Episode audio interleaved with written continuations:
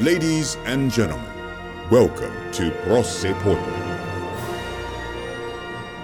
Välkomna till Proffspodden. Och eh, så här när det är distansundervisningstider så är det läge att prata om hur löser man det här rent praktiskt och på bästa sätt. Och en praktisk och på bästa sätt person är Hampus. Hej och välkommen! Tack så jättemycket. Ja, du och jag delar ju lite erfarenheter här för att vi undervisade hela vårterminen i, på, olika, på andra skolor i och för sig. Men med eh, då eh, den första liksom vågen med distansundervisning. Ja. Om du spontant bara så känner att eh, är, hur är det att liksom undervisa på distans? Hur är det att undervisa på distans? Det är på många sätt svårt. Inte att själva undervisningen i sak är svårare, men det är svårt när man inte får den här interaktionen med eleverna. Mm. Det, här, de här, det här minspelet som eleverna har i klassrummet, de här spontana handuppräckningarna. Mm. Eh, de här spontana reaktionerna om man bara försöker vara lite rolig eller försöker vara lite ja, vill ha reaktioner helt enkelt. Man ser ju ingenting. Utan Nej. man hoppas ju bara någonstans att eleverna reagerar på det sättet som man vill att de ska reagera. Mm. Vad som slog mig var hur mycket tröttare man var, alltså rent fysiskt mm. efter en lång dag med liksom distansundervisning som lärare. Man tänker liksom att det är mindre jobb att stå och prata in i en webbkamera och liknande. Men fysiskt och psykiskt var man liksom urvriden på en högre nivå. Så att eh, man, det är mycket av den energin som finns i ett klassrum som inte finns där längre som går förlorad. Nej men visst är det så. Och det tycker jag är så himla tydligt med att just det här med att man inte har interaktionen. Att mm. eleverna ger ju så mycket energi i vanliga fall. Ja. Eh, att man får en bekräftelse på att det man håller på med är rätt, att de tycker att det är roligt eller att de tycker det är intressant. Mm. Men att bara prata in i en, egentligen en dataskärm eller att man försöker att utveckla så att det ändå funkar på distans. Nej, det är utmattande. Och mm. framförallt när man inte får någon form av bekräftelse om eleverna har förstått eller om de tycker att det är roligt eller liknande. Nej, precis. Men om vi då byter perspektivet från Istället för att hålla på och berätta hur jobbigt det är för oss som lärare. precis. Eh, vi plockade också till slut på oss mängder med konkreta liksom, tips och erfarenheter om hur det är sen att vara elev på, i en distansundervisningssituation.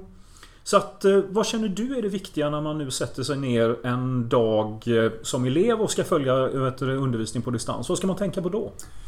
Jag tror att A och O någonstans blir att man måste ha struktur. Mm. Och man måste vara duktig på att någonstans bestämma sig för att nu har jag lektion mm. och nu har jag inte lektion. För jag tror att de vanligaste misstagen är att man hamnar i någon form av mellanläge. Man ja. har en serie på i bakgrunden, man har musik mm. på i bakgrunden och så har man föreläsningen på i bakgrunden. Allting blir liksom någon form av bara brus. Mm. Utan jag tror man måste vara duktig på att verkligen ha en sätta sig någonstans där det verkligen är att här ska jag nu sköta mina studier. Mm. Jag har en ny lektion i de här 60 eller 75 minuterna. Och att man verkligen avskärmar allting annat och bara fokuserar på det här. Man stänger ner flikarna på datan som stör, ja men precis som om det faktiskt skulle vara lektion. Yeah. Problemet nu är att man inte har man har ingen lärare som faktiskt kan påpeka att du får inte sitta med telefonen mm. eller du får inte göra det där eller var inte ute på de där sidorna. Utan nu måste man faktiskt sköta det här själv. Mm. Och lärarna har inte det här uppsynen som man har annars i, i klassrummet så att säga. Nej, det är klockrent. Jag har ju exakt samma erfarenhet och jag brukar säga till eleverna att vad ni behöver göra nu det är att ni behöver skapa er lilla bit utav skola hemma. Mm. Det vill säga en del utav ett arbetsbord eller någonting så att inte liksom Eh, anteckningarna ligger på ett ställe och i tonårsrummet så ligger liksom några andra böcker. Och så vidare. Utan sätt av en del i liksom matsalsbordet eller där man, som man vet, bor och sover i. Men se då till verkligen att det här liknar skolan. Och i skolan har man inte skärmar framför sig och högtalare med Spotify och annat i. Utan man ska göra det så lätt som möjligt för sig. För att precis som du sa, man måste ha struktur. Och eh, vad många elever som jag pratade med upplevde är att man kanske tycker från början att det är lite soft med eh, mm. distansundervisning. Man slipper pendla och gå ut och så vidare. Men att de blev så nästan förvånade över hur mycket det här sänkte även kvaliteten på fritiden. Mm. Mm. Att eh, det var liksom varken studier eller fritid förut av. Men man märker att hålla på och ligga och titta, eh, binge, titta på Netflix eller spela spel eller shoppa och så vidare. Till slut så känns ju liksom det liksom tomt och segt också för att det konkurrerar med ens samvete och ens uppmärksamhet med vet du, studierna.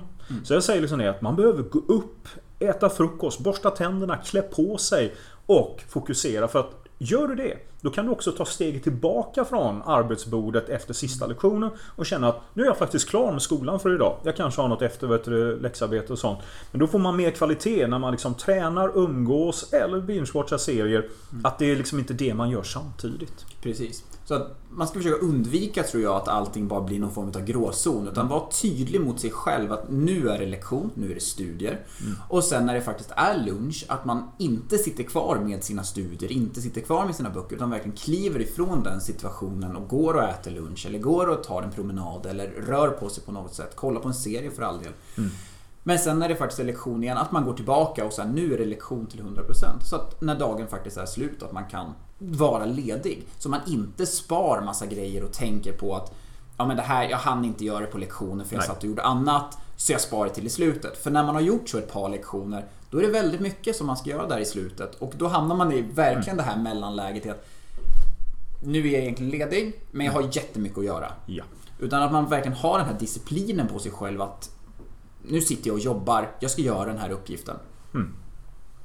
Nej, eh, och vi kommer att titta mer på det här sen i framtiden med eh, allt ifrån hur man tränar faktiskt och äter.